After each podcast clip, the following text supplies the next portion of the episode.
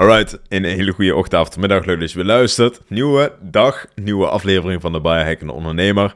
Vandaag ga ik met jullie iets meer hebben over een stukje gedragsverandering binnen voeding, binnen het e-patroon. Nu denk ik misschien van, ik weet niet of ik daar iets aan ga hebben. Luister alsjeblieft naar me, want helemaal voor ons als ondernemer is dit naar mijn mening iets wat je in ieder geval in lijn moet hebben staan met je onderneming. Klinkt basis, zeg ik vaker, biologie uiteindelijk in lijn zitten dus met je business. En daarvoor, dat heeft voornamelijk te maken met een stukje energie. Maar daarbij gaan we dus kijken naar de verschillende soorten fases van gedragsverandering binnen jouw e-patroon uiteindelijk. Dit omdat ik vandaag een coachsessie heb gehad met de cliënt. Dit is wat verder naar voren gekomen. En ik probeer altijd natuurlijk in de daily podcast kort en concreet eh, toe te lichten wat ik die dag uh, mensen heb kunnen leren. Dat op zich waar ik super dankbaar voor ben.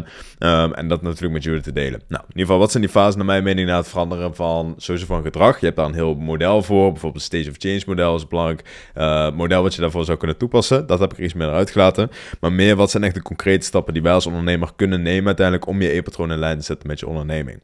De allereerste stap is altijd, als we gaan kijken vanuit biohacken, is meten. Je wil altijd eerst gaan meten. Je gaat meten, je gaat verbeteren verbeteren en vervolgens ga je uitbreiden. Dus wat het inhoudt is dat je gaat meten. Je gaat eerst kijken van oké, waar sta je? Vervolgens een doel staan natuurlijk. Waar wil je naartoe op basis van die metrics?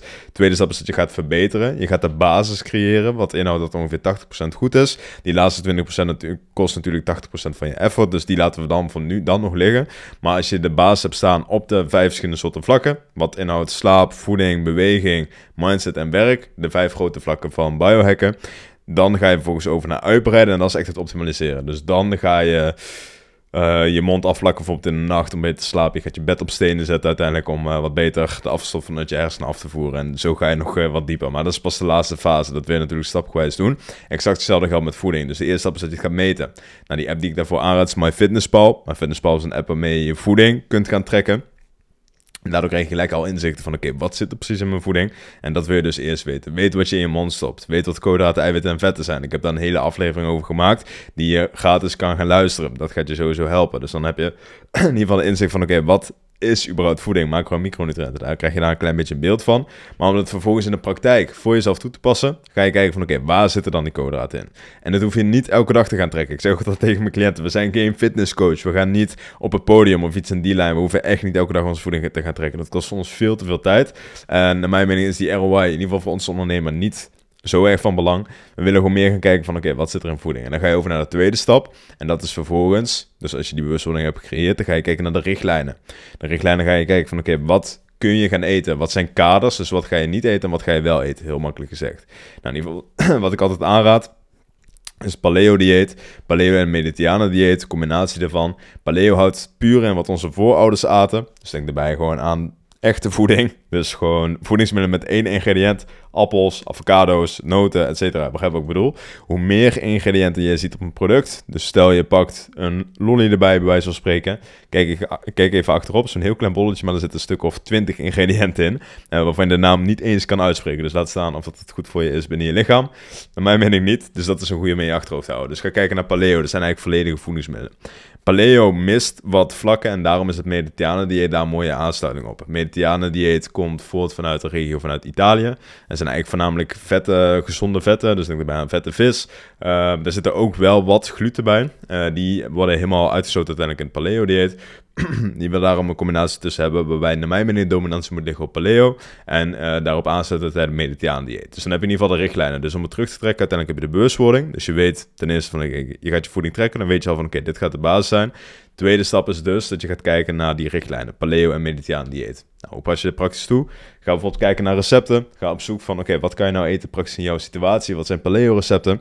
Dan heb je de basis staan. Dus als je dat hebt staan, dan kun je vervolgens gaan kijken naar jouw specifieke eetpatroon. Dus dan ga je veel meer kijken naar uh, bijvoorbeeld, oké, wanneer eet je wat? Dus bijvoorbeeld carb backloading is in principe wat ik met mijn cliënten bespreek. Dat houdt in dat je koolhydraten later op de dag gaat eten. Dat heeft allemaal positieve voordelen, bijvoorbeeld voor ons als focus. Dus in de ochtend die deep work blokken, die kun je daardoor wat beter gaan implementeren.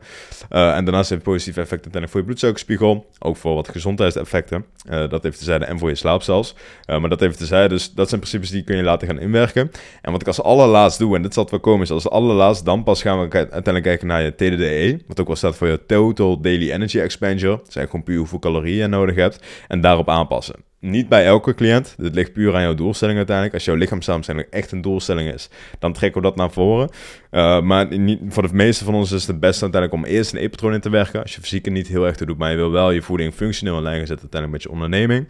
Om eerst dus te gaan kijken naar wat kan je wel en niet eten, heel makkelijk gezegd. En daar vervolgens die hoeveelheden van aan te passen. Dat is veel makkelijker als dat je eerst maar gaat kijken naar de hoeveelheden. En dan dat moet gaan invullen uiteindelijk met wat je wel en niet kan eten. Begrijp wat ik bedoel? Dus uiteindelijk ga je eerst kijken van oké, wat kan ik eten? En dan nog helemaal geen restricties van, oké, dit kan je nu wel pakken of dit niet. Eerst wat wel en wat niet. Gewoon makkelijk. En dan ga je veel specifieker. En op lange termijn kun je dus veel meer gaan kijken naar timing van soorten voedingsmiddelen. En dan kun je dat iets meer gaan inwerken. Iets wat ik graag vandaag kort aan jou wil meegeven, is iets wat je naar mijn mening sowieso moet implementeren. In ieder geval de meeste van jullie, niet iedereen, is intermittent fasting. In de middenvesting houdt in dat je een bepaald gedeelte van de dag vast. Er zitten heel veel positieve voordelen aan. Bijvoorbeeld alleen al een makkelijk voordeel is dat je bloedsuikerspiegel stabiel is. Dus dan hebben we wat betere focus bijvoorbeeld in de ochtend. Maar daarna zitten er echt tig voordelen aan qua gezondheid. Uh, bijvoorbeeld deze daily podcast iets te is. Maar kijk in ieder geval naar intermittent fasting. Dat kan zeker helpen. En dat is iets wat je dus gelijk aan het begin ook bij de bewustwording al kan gaan implementeren. Heel makkelijk, kan elke dag. En want je hebt natuurlijk zelf de keuze over wat je in je mond stopt.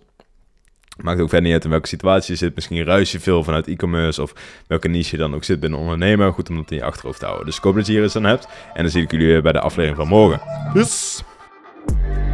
Alright, dan zijn we weer bij het eind aangekomen. Super leuk dat je deze podcast hebt geluisterd. Mijn naam is Johan Kerkels en ik help ondernemers in 90 dagen naar een optimale prestatie toe. Concreet en meetbaar.